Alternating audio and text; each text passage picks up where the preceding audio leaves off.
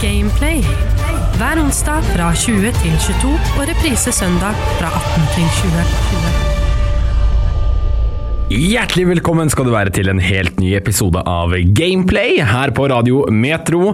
Neste Gameplay-episode er sesongfinale for, eh, ja, man kan vel kalle det Gameplay sesong 1, med en spennende gjest som Jeg skal ikke røpe det helt enda, men det er en gjest som har tilknytning til den aller første gjesten her på Gameplay.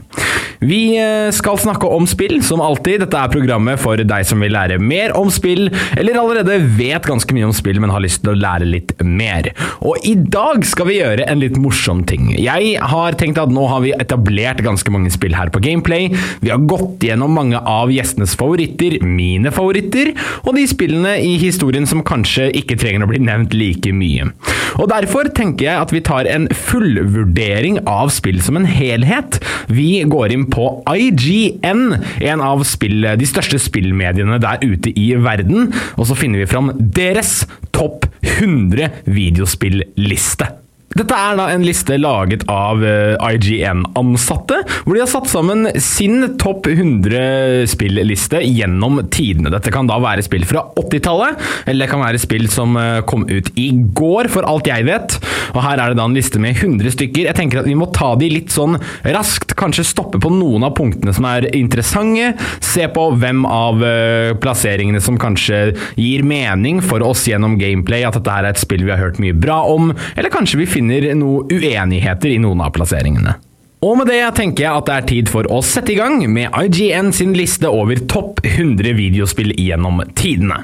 På 100.-plass finner vi Borderlands 2, et spill som da er en oppfølger til Borderlands 1, og har fått en ny oppfølger i senere tid, Borderlands 3. Det er jo et godt spill, mange vil sikkert argumentere for at toeren er en god oppfølger, og da altså bedre enn det første spillet, og noen vil kanskje argumentere mot det motsatte. Jeg har spilt begge spillene, og vil si at de skinner på hver, sin, hver sitt område. Borderlands 2 har vel kanskje et mer polert og gjennomført gameplay og litt mer figurer imens Borderlands 1 er litt mer originalt og klassisk, og da kanskje litt mer sjarmerende enn det Borderlands 2 er. På 99.-plass finner vi Divinity Original Sin, tett etterfulgt av 98.-plassen, som er overraskende nok Final Fantasy 7. Og Final Fantasy 7 er jo et av de mest kritikerroste spillene noen gang. Mange spillkritikere sier det er et av de beste spillene de har spilt, men likevel så får den en såpass dårlig plassering på den lista her. Det syns jeg er, ja, er Man kan sette spørsmålstegn ved det, men det vil jo kanskje si at kvaliteten på de neste spillene på lista er enda bedre. På 97.-plass, like overraskende som forrige plassering, egentlig, der får vi Assassin's Creed 4 Black Flag.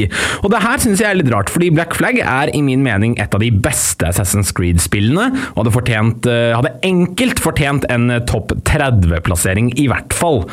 Der eh, drar vi til piratverden og spiller som snikmorderen Edward Kenway, og du møter på eh, legendariske skikkelser som annet Blackbeard, og får dra til sjøs med han på svære piratflåter låter. Det er et ordentlig bra spill, så jeg syns det er rart at det er så lavt på lista, men vi, vi fortsetter videre og ser om kanskje neste, de neste spillene kan ta over Black Flag.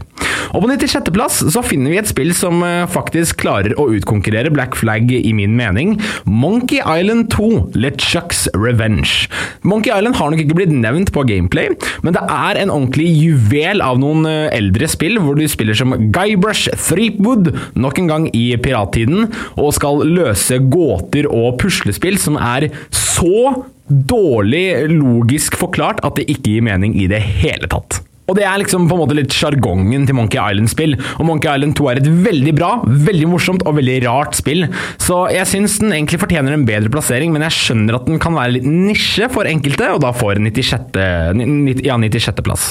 På 95. så får vi Burnout 3 Takedown, et spill jeg ikke har spilt, men jeg har hørt mye bra om Burnout-serien, og da spesielt Burnout 3. Og på 94. plass, en kanskje liten juvel for mange, Fallout 2. Ikke, altså ikke New Vegas eller Fallout 3 eller Fallout 4, men Fallout 2. En av de litt gamle, mindre eh, relevante spillene. Men jeg syns det er kult at den også får en, en, en time eller to i dagslys. På 93.-plass finner vi League of Legends. Dette er et av de største spillene på Twitch og streamingplattformer generelt. Men rett over eh, League of Legends, som eh, klarer å utkonkurrere dette store online-spillet, der finner vi Megaman 3 på 92.-plass. Kanskje det er noen Megaman-fans eh, der ute som virkelig heier på dette. Jeg har ikke opplevd mye Megaman-spill i min egen barndom, og det kommer nok til å være mange spill her som jeg er veldig ukjent med, men jeg har hørt mye bra om, om Megaman, og ville faktisk trodd at Megaman 2 ville fått en, en litt høyere plassering, for det er den jeg har hørt mest snakk om. Men vi fortsetter på lista. På 91.-plass får vi Animal Crossing New Horizons. og Dette var det nye spillet som kom til Switch, som mange hoppet på da det ble lansert. Og for god grunn, for jeg har fått med meg at det her er et utrolig morsomt og deilig survival-spill som bare kan ta hjernen din fra alle mulige problematikker som oppstår i hverdagen. Et ordentlig fredelig spill som fortjener en plassering på denne lista. Og på 90.-plass så finner vi Thief 2, The Metal Age. Og Thief er noen litt eldre spill, eh, sånn first person-spill, eh, Eh, handler om at du er en tyv. da. Eh, og de her har jo blitt eh, laget på nytt nå i nyere tid. Men det er kult at de drar frem de litt eldre Thief-spillene fra Jeg lurer på om det er gode 90-tallet. Videre på lista så kommer vi oss til 89.-plass, der vi finner SimCity 2000, som er dette sandbox-spillet hvor du kunne lage din egen by og styre den rundt og gjøre det du ville med den. Og det er jo en uh, slags definerende spill for de moderne strategi ovenifra og ned simulatorspillene. Altså Den har jo vært med på å definere den sjangeren, så jeg vil definitivt si at det spillet her har satt sitt merke på spillkartet. På 88.-plass finner vi indiespillet In Inside, som bygger på sin tidligere forgjenger Limbo, og er laget av et dansk indie-studio. Og på 87.-plass, rett over, finner vi Titanfall 2, som definitivt hadde sin storhetstid i spillhistorien da det var ute, og det bygde på Titanfall 1, som er dette spillet hvor du skyter og bruker roboter, og løper og hopper på vegger, og introduserte denne wallrun-mekanikken som ble utrolig stor, og jeg lurer på om den ble implementert i en del andre spill etterpå også, så det er et veldig definerende spill for FPS-shooterspill, da. Og på 86.-plass så finner vi Tony Hawks Pro Skater 2. For de skatingfansa der ute, dette spillet her eh, satt også en ganske merke på spillhistorien. Og jeg hørte hørt en del snakk om det i ettertid også. Eh, på 85.-plass finner vi Monster Hunter World. Kanskje et av de mest kjente Monster Hunter-spillene. Veldig eh, omfattende og har en, en, et stort publikum til seg. Og på 84.-plass finner vi Resident Evil 2 Remake. Dette spillet fortjener en høyere plass. Denne her skulle jeg sett, i hvert fall på topp 20, for dette spillet her er en utrolig god opplevelse. Og ikke bare er det en god opplevelse, det er en god remake av eh, Resident Evil 2 fra 90-tallet. Det er en utrolig bra, uh, bra stykke arbeid av en horroropplevelse du aldri har sett maken til. Du bør virkelig prøve Resident Evil 2 remake, og så kommer du til å være enig med meg. Denne fortjener i hvert fall topp 20-plassering. På 83.-plass finner vi System Shock 2, rett bak 82.-plassen, som er Mortal Kombat 11. Et lite fighting-spill i lista, det er ikke dårlig. På 81.-plass over Mortal Kombat 11 så finner vi Persona 5 Royal. Og hvis du husker fra forrige gameplay-episode, hvor jeg hadde med broren min Håkon Nilsen på besøk, så snakket vi en del om Persona nå som Persona 3-remaken skal komme. Og Persona 5 Royal er den beste måten å spille Persona 5 på. Jeg vil si at vanlige Persona 5 den, den, første lanseringen som kom ut, var litt tam, men Persona 5 Royal, som er da en slags nesten en remaster-versjon, hvor, hvor, de polerte litt på det og la til litt eh, bedre uh, innhold i spillet, det er sånn Persona 5 skal se ut. Så hvis du vil hoppe på Persona-bølgen, nå som Persona 3 Reload snart skal komme ut, så bør du spille Persona 5 Royal, og ikke den originale versjonen, i og med at den er litt, uh, ja, litt upolert i forhold, da. På 80.-plass så finner vi ah, Nei, det, vet du hva? Det, nei! jeg nekter å tro det! Jeg nekter å tro det! På 80.-plass finner vi Dark Souls 1 og ja, jeg må si det. Det er lov å være misfornøyd med en 80.-plass, for det spillet her, i min liste, på min liste, så er dette spillet her nummer én. Det her er favorittspillet mitt. Dark Souls gjør alt riktig. Dark Souls er det perfekte spill, i, i, i min mening, da. Jeg veit jeg egentlig bør, bør, holde meg litt uh, utenfor uh, veldig sterke personlige meninger her, men Dark Souls 1 fortjener i hvert fall topp 10. Så den her IGN, denne må du jobbe på. Dark Souls 1 fortjener mye bedre enn dette.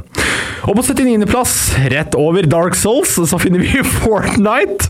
Og Fortnite er jo et kjempestort spill som tok med seg en, et kjempeenormt publikum av spillere fordi det var gratis, og det spilte mye på at det var gratis. Og senere da så har, eh, har spillet gått over til å, å utvikle seg på mange måter med sesonger og med andre typer verdener og biler og ting du kan gjøre i spillet. Så Fortnite har eh, for, for all del en plassering på den lista her. Eh, ikke rett over Dark Souls, den gir meg en bitter ettersmak, men ja, la gå, da. På 78.-plass finner vi Fable 2, og jeg har hørt skremmende lite om Fable 2, fordi at Fable 1 husker jeg fra barndommen selv. Fable The Lost Chapters, som vi også nevnte forrige gameplay-episode eh, da Håkon var her. Og eh, Fable 1 er et ganske bra spill. Et, et morsomt, litt sånn gøyalt, men også eh, alvorlig og gjennomført spill. Fable 2 derimot har jeg hørt utrolig lite om. Jeg vet ikke engang om det er samme hovedfigur fra 1 til 2, men i hvert fall på 78.-plass, så kanskje det er verdt å sjekke ut. Og på 77.-plass, dette her er en god plassering. Der har vi Golden Eye 007. Dette spillet her var en, eh, en first person shooter fra eh, 97, og mange, mange som gama på 1997, husker Golden Eye. Du kan spørre nesten hvem som helst som eide en Nintendo 64, og de kommer til å si at Golden Eye var et av de kuleste spillene på den tiden. Og jeg har prøvd det litt uh, sjæl, hvis ikke det var en ny, uh, en, en ny versjon jeg spilte da jeg var yngre. Men jeg vet i hvert fall at det er en som virkelig fortjener å, å fortsatt bli nevnt en dag i dag. På 76.-plass så finner vi Super Smash Bros. Ultimate, som er en ganske grei plassering for det spillet her. Det er altså da fighting-spillet, hvor det har tatt med seg mange figurer fra både Nintendo og litt utenfor, som da kan slåss med hverandre gjennom spillene de kommer fra. Så du kan altså være da Link fra Zelda som slåss mot eh, Mario fra Mario-spillene. Og selv om de ikke tilhører ett og samme spill, så kan de da møtes på denne arenaen og slåss mot hverandre. Og der blant annet er det også Persona-figurer med. altså Du kan spille som Joker og hovedpersonen i Persona. Du kan spille som Snake fra Metal Gear Solid. Altså Det er ikke en stopper på hvor mange figurer eh, Super Smash Bros. Ultimate har tatt for seg. Så det her er eh, definitivt et godt fighting game. Kanskje et av de beste, vil noen si. Du hører Gameplay på Radio Metro. På 75.-plassen så finner vi Spelunky 2, med 74.-plassen rett over, som er Return of the Obra Din. Det er dette puzzle-spillet, tror jeg. Jeg har ikke prøvd det, men jeg har fått det anbefalt, så jeg tror det skal være ganske bra. På 73.-plass har vi Dota 2, og Dota 2 er jo en stor, stor hit fra back in the day. Det står til og med her på EGN sin side. Dota isn't a game, it's a lifestyle. Dette spillet ble jo veldig stort og fikk med seg et enormt publikum på samme samme måte som eh, Fortnite, men mye tidligere da, og står den dag i dag som en av de gamle, klassiske online-spillene. På 72.-plass har vi Mario Kart 8 Deluxe, kanskje det beste Mario Kart-spillet, vil mange si. Og på 71.-plass der finner vi Donkey Kong, altså det originale Donkey Kong-spillet fra Arkademaskinene, hvor du eh, klatrer opp disse stigene mens Donkey Kong hiver eh, store tønner på deg og flammer, og det er, ikke måte på hva Mario må gå gjennom. Og det er jo et av de eh, mest definerende spillene til, ja, altså fra Nintendo-verdenen, men også fra spillverdenen generelt. Alle kjenner jo til Mario som en figur, og det var vel her alt sammen startet, så det er gøy at den også får en plass på lista. Videre skal vi til 70.-plass, der vi finner The Sims 3. Og her kan jeg være enig, Sims 3 er et ganske så bra spill når det kommer til dette med å spille en menneskesimulator. Eh, Sims 2 også er en god en, men jeg syns Sims 3 implementerer noen kule systemer med at verden rundt deg endres samtidig som du lever livet ditt. da. I Sims 2 så var vel alle familiene du kunne spille som å kontrollere forskjellige saver, men i Sims 3 så endrer hele, hele byen seg, og alle familiene rundt eh, deg med eh, tiden. Så jeg syns det var en litt, eh, litt, mer realistisk mekanikk. Og på 69.-plass så finner vi Splinter Cell Chaos Theory. Jeg har veldig lite erfaring med Splinter Cell-spillene, men jeg har snakket med folk som har spilt de, som har fortalt at de er noen ordentlig gode spill, så jeg tviler ikke på at den har en velfortjent plass på lista. Og på 68.-plass Super Mario World 2 Yoshi's Island. På 67.-plass finner vi da Silent Hill 2, et spill jeg har hørt eh, er et av de beste horrorspillene og et av de beste spillene, punktum, som du kan finne der ute. Og på 66.-plass Grand Theft Auto San Andreas. Grand Theft Auto San Andreas var jo et av de spillene som eh, lagde GTA-sjangeren, kan man vel si. Og hvis man spiller GTA 5 nå og ser på hvordan det er, så er vel GTA San Andreas det nærmeste man kommer til en inspirasjonskilde, da. GTA 3 og GTA Vice City også var med på dette med å inspirere GTA-stilen til fremtidige spill, men jeg vil si at San Andreas spilte en betydelig stor rolle i, eh, i GTA sin historie. På 65.-plass så finner vi XCOM 2, dette alien-strategispillet som er ovenifra og ned og eh, krever at du bruker taktisk evne for å slå eh, spillet. Jeg har aldri spilt det før, men jeg tror det er et spill jeg ville likt. Og på 64.-plass der finner vi spillet Control. På 63.-plass så har vi Call of Duty 4 Modern Warfare. Et eh, godt skytespill fra 2000-tallet. Jeg vil si kanskje det beste Call of Duty-spillet. Fordi det, dette er jo et first person shooter hvor du eh, ser alt fra øyeperspektivet til figuren din, og så holder du da et våpen i hånda og skal skyte. Det er det det baserer seg på. Og, men det hadde denne online-modusen hvor du spilte med folk fra verden over, som var veldig gøy. Og så hadde den en eh, veldig kul historie hvor du kunne spille gjennom gjennom oppdrag med figurer da, som var veldig ikoniske, som Soap og Captain Price, og veldig minneverdige oppdrag du da dro ut på. Så jeg syns definitivt Call of Duty 4 fortjener en plass på denne lista, og så hadde den jo oppfølgeren Modern Warfare 2, som var til og med enda bedre enn Call of Duty 4. Så vi får se om MV2 dukker opp på lista. Kan være den ikke gjør det. Tross alt så var jo Dark Souls på en 80.-plass, så man veit jo aldri med denne lista. Nei da, jeg må la Dark Souls gå nå, altså. Ok, 62.-plass, der har vi Rise of the Tomb Raider. Tett etterfulgt av 61.-plassen, som er Batman Arkham City.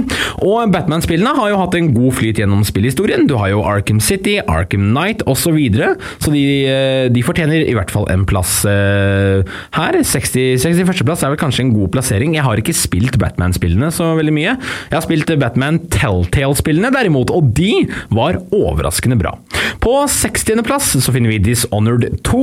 På 59.-plass finner vi The Witness, og The Witness har jeg ikke engang hørt om tidligere. Det er et puzzle-spill hvor du er på en på en øy, ser det ut som, men jeg har aldri hørt om det. Hvis du har spilt The Witness, så kan du kanskje, kanskje argumentere for at dette spillet fortjener en, en, såpass god plass på lista, men jeg kan ikke, jeg, ikke, jeg kan ikke ha noe formening om det. Det neste spillet på lista derimot, den har jeg en god formening om. 58.-plass går til Journey, som er et veldig søtt, koselig spill hvor du setter ut på en reise som en liten figur, og får se eh, fine landskaper rundt deg mens du går gjennom eh, f.eks. ørkenen da, og kan glide gjennom sanden. Og Grunnen til at det spillet her er så enkelt og har et så simpelt premiss, er fordi at det funket som en, eh, nesten en demonstrasjon for hva PlayStation 4 kunne utføre når det kom til grafikk, mekanikk mekanikk og hvor mykt PlayStation 4 kunne kjøre. da. Og Jeg blant annet fikk prøve det på PlayStation 4, og det var vel et av de tidligere PlayStation 4-spillene jeg fikk spille òg.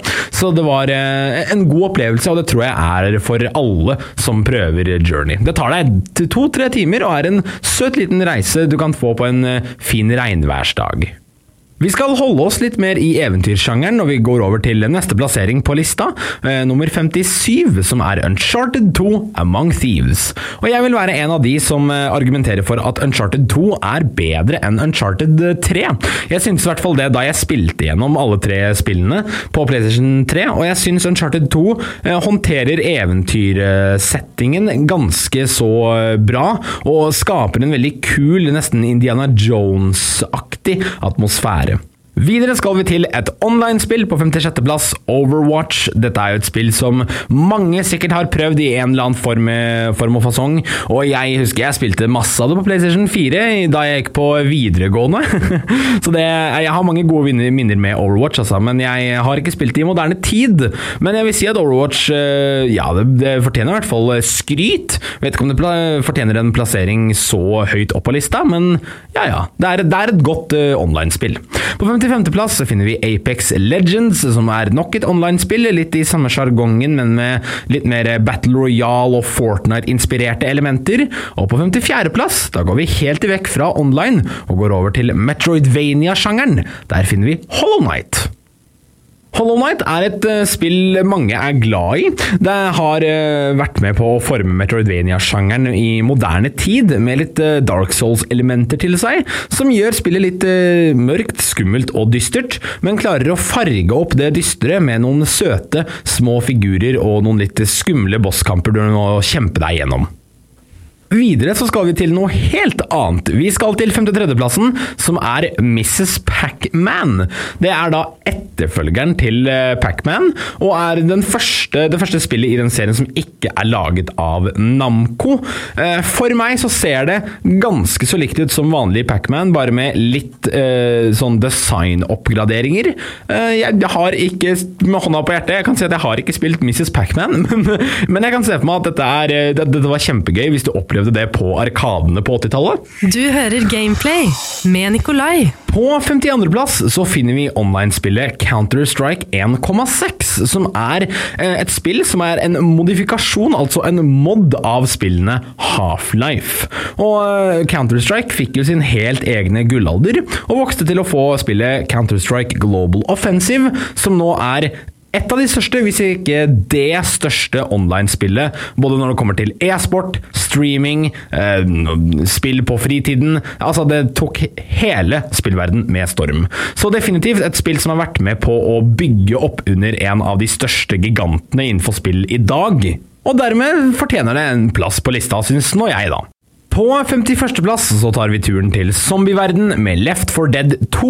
Og på 50.-plass der finner vi Earthbound, og med det så er vi på de siste topp 50 av IGN sin liste. På 49.-plass der har vi Diablo 2, dette middelalderspillet sett ovenifra og ned i sånn isometrisk perspektiv. Og det er et, en, av, en av Blizzards store klassikere, og jeg husker det selv fra barndommen, og jeg husker jeg syntes det var litt eh, skummelt. Men det var ikke for skummelt for fansen sin, for det spillet her holder seg veldig bra den dag i dag. Med deres nyeste lansering Diablo 4, som kom ut 5.6.2023, som viser at spillet har hatt grei suksess gjennom spillhistorien. På 48.-plass finner vi Starcraft, med 47.-plassen rett over, som er eh, helt naturlig at dette spillet er på 47.-plass. Det er jo verdens største MMO, World of Warcraft. Og fra World of Warcrafts uh, middelaldersetting så skal vi over til verdensrommet og Star Wars. 46.-plassen går til Star Wars Nights of the Old Republic, også kjent som Kotor. Dette spillet her er jo uh, en av de gamle klassikerne til BioWare, som senere har gitt oss Mass Effect, Dragon Age, og også står bak uh, spillet Balders Gate. Og Kotor har jeg hørt veldig mye bra om. Det er utrolig kritikerrost og sett på som kanskje et av de kuleste Star Wars-spillene. Så du bør sjekke ut det hvis du er en uh, ivrig Star Wars-fan. Og nå som vi beveger oss mot uh, topp 45 på lista, så føler jeg at det kommer til å komme ganske mange store slagere her som du mest sannsynlig har hørt om på et eller annet tidspunkt i spillhistorien, og du har mest sannsynlig prøvet ut noen av de også. 45.-plass er Fallout New Vegas, og 44.-plassen er Final Fantasy 6. På 43.-plass finner vi sikkert spillet du har ventet en stund på å høre, Pokémon Yellow, også kjent som Pokémon Gul, hvor du må fange alle 151 Pokémonene, du kjenner til sjargongen, du har vært der du også, vært i det høye gresset og blitt angrepet av Pokémon for eh, n-te gang, eller eh, kjent gleden av å se den eh, lille Pokémonen din utvikle seg til en stor drage. Vi alle har vært der, Pokémon Yellow, vel fortjent 43.-plass på lista. På 42.-plass finner vi Metroid Prime, og på 41.-plass et av spillhistoriens mest nevnte titler, The Elder Scrolls 5 Skyrim. På 40.-plass finner vi Resident Evil 4. og Resident Evil 4 er et bra spill, spesielt for tiden det kom ut på, men jeg vil nok si at jeg syns Resident Evil 2 Remake er hakket bedre, og jeg kunne likt å se at de hadde bytta plass på lista. Det er kanskje litt kontroversiell mening å ha, men uansett Resident Evil 4 et godt spill. Jeg bare syns Resident Evil 2 Remaken og Resident Evil Village er hakket bedre. På 39.-plass finner vi en slager fra 2005, det kritikerroste PlayStation 2-spillet Shadow of the Colossus. Dette spillet ble remade, altså laget på nytt igjen, i 2018 til PlayStation 4, så du kan prøve det ut da òg, men den originale versjonen til PlayStation 2 har et fabelaktig eventyr av utrolig bra atmosfære og grafikk, som er Ja, det er banebrytende at de fikk til et så detaljert og bra spill så tidlig i gaminghistorien historien. På 38.-plass finner vi nok en fanfavoritt. Et spill som eh, sikkert mange ville ønsket var førsteplassen på denne lista. Det er The Last of Part 2, spillet som dro zombie shooter til en ny retning, og satte standarden for hva survival games virkelig kunne være. Og nå som vi rir inn mot 37.-plassen, så er det bare å ta på seg cowboyhatten og hive seg på hesten. Her kommer vi til Red Dead Redemption 1, spillet som følger John Marston på en uforglemmelig reise gjennom westerntiden. Et godspill fra Rockstar der. Og på 36.-plassen finner vi Hideo Kojima på hans beste. Her er Metal Gear Solid 1 til PlayStation 1 et godt spill med utrolig nymoderne og banebrytende mekanikker aldri sett før i spillverden. Metal Gear 1 bør virkelig sjekkes ut. På 35.-plassen finner vi et spill fra en ganske så langvarig spillserie, men dette, de, dette, nummeret i serien skilte seg vel mer ut enn de andre. Her er Sid Meyers Civilization 4 et godt stykke strategispill. På 34.-plass finner vi The Legend of Zelda Ocarina of Time, et godt spill fra Nintendo 64-æraen, hvor du spiller som Link både som liten og som stor, med en fløyte på en reise gjennom vakkert landskap og kule dungeons. Så skal vi til 33.-plass, som er ja, kanskje litt eh, spesiell. Her har vi Minecraft. Du vet hva det går i, jeg trenger ikke å forklare Minecraft. På 32.-plass så tar vi et skritt inn i sci-fi-universet. Her finner vi Halo Combat Evolved. Og på 31.-plassen der finner vi Half-Life 1 fra 1998. Og på 30.-plass finner vi et spill jeg virkelig syns fortjener å være så høyt oppe på denne lista. Et spill jeg har nevnt tusen ganger tidligere på Gameplay. Jeg trenger ikke å prate noe mer om det, men det er MMO-spillet Final Fantasy 14. På 29.-plass finner vi spillet Doom, og Doom har jo vært en definerende first person shooter for mange da det kom ut med utrolig fet musikk i bakgrunnen mens du løper rundt og skyter hva det måtte være av aliens og zombier og skumle greier. På 28.-plass finner vi et litt mer simpelt spill som ikke krever noe historiefortelling eller særlig til mekanikk, det krever bare at du tenker og bruker huet. Her har vi Tetris. Og på 27.-plass, ikke lenge etter eh, sitt første spill, så får vi en eh, oppfølger fra Metal Gear Solid. Metal Gear Solid 3 Snake Eater, som jeg har hørt veldig mye bra om. Har ikke fått tiden til å spille det enda, men jeg gleder meg til den dagen jeg kan plukke opp håndkontrolleren og være Snake i jungelens dype, våte sumper. På 26.-plass finner vi et imponerende spill som eh, virkelig videreførte VR-teknologien og ga det noen teknologiske framskritt, Half-Life Alex. Vi kommer til nok en oppfølger på 25.-plass, der vi finner et spill fra 2018 som pustet liv i sin gamle, litt eh, etterlatte spillserie. Her er God of War fra 2018. På 24.-plass finner vi Chrono Trigger, et spill som er eh, en kritikerrost RPG fra tidene. Og på 23.-plass finner vi nok et kritikerrost spill som er ganske så simpelt og kan spilles av eh, nærmest alle, selv de som ikke er så veldig vant til å spille spill. Det er Portal. På 22.-plass finner vi Street Fighter 2, kanskje et av de mest kjente fighting-spillene gjennom tidene. Og på 21.-plass finner vi det originale, det gode, gamle, nostalgiske Super Mario Bros. Vi begynner nå å eh, nærme oss slutten når vi tar en titt på de 20 siste rangeringene. På 20.-plass har vi Undertale, et utrolig bra indie-game laget av uh, hovedsakelig én person, som også har laget all musikken. Og musikken hjelper da til å løfte dette veldig søte, men også dype spillet til nye høyder. Og 19.-plassen får meg til å smile fra øre til øre. Jeg trodde du hadde forlatt meg, men det hadde du ikke. Her har vi nok et tilskudd fra Soulsborne-serien Bloodborne. 18.-plassen den går til eh, Bioshock, det originale Bioshock 1-spillet. Og på 17.-plass der får vi forgjengeren til Last of Us 2, The Last of Us Part 1. Og The Last of Us Part 1 har jo blitt snakket om ikke bare på gameplay, men også og nesten overalt i spillverdenen, og klarte å videreformidle en god historie gjennom en apokalyptisk verden på veldig godt vis. Og på 16.-plass da tar vi turen fra apokalyptisk verden til middelalderverdenen, The Witcher 3 Wild Hunt. 15.-plassen går da til Halo 2, og 14.-plassen der finner vi Castlevania Symphony of the Night, en av de tidligere eksemplene på en Metroidvania. På 13.-plassen finner vi et spill som eh, tok spillverden litt med storm da det kom ut, med sin utrolig kule spillestil og mytologiske vesener som ble implementert i en kul, spennende verden. Her finner vi spillet Hades. På tolvteplass finner vi spillet nesten alle har rørt på et eller annet punkt i livet sitt, eh, i hvert fall etter 2013 da det kom ut, GTA 5. På ellevteplass, rett ved målstreken til topp ti-lista, så finner vi spillet Super Mario Bros 3. Og med det så baner vi oss vei innover mot IGNs topp ti spill gjennom tidene, og det her blir spennende. Jeg merker at hendene mine er svette, stemmen min skjelver. Nå skal det endelig avgjøres. På tiendeplass så finner vi spillet Disko Elysium fra 2019.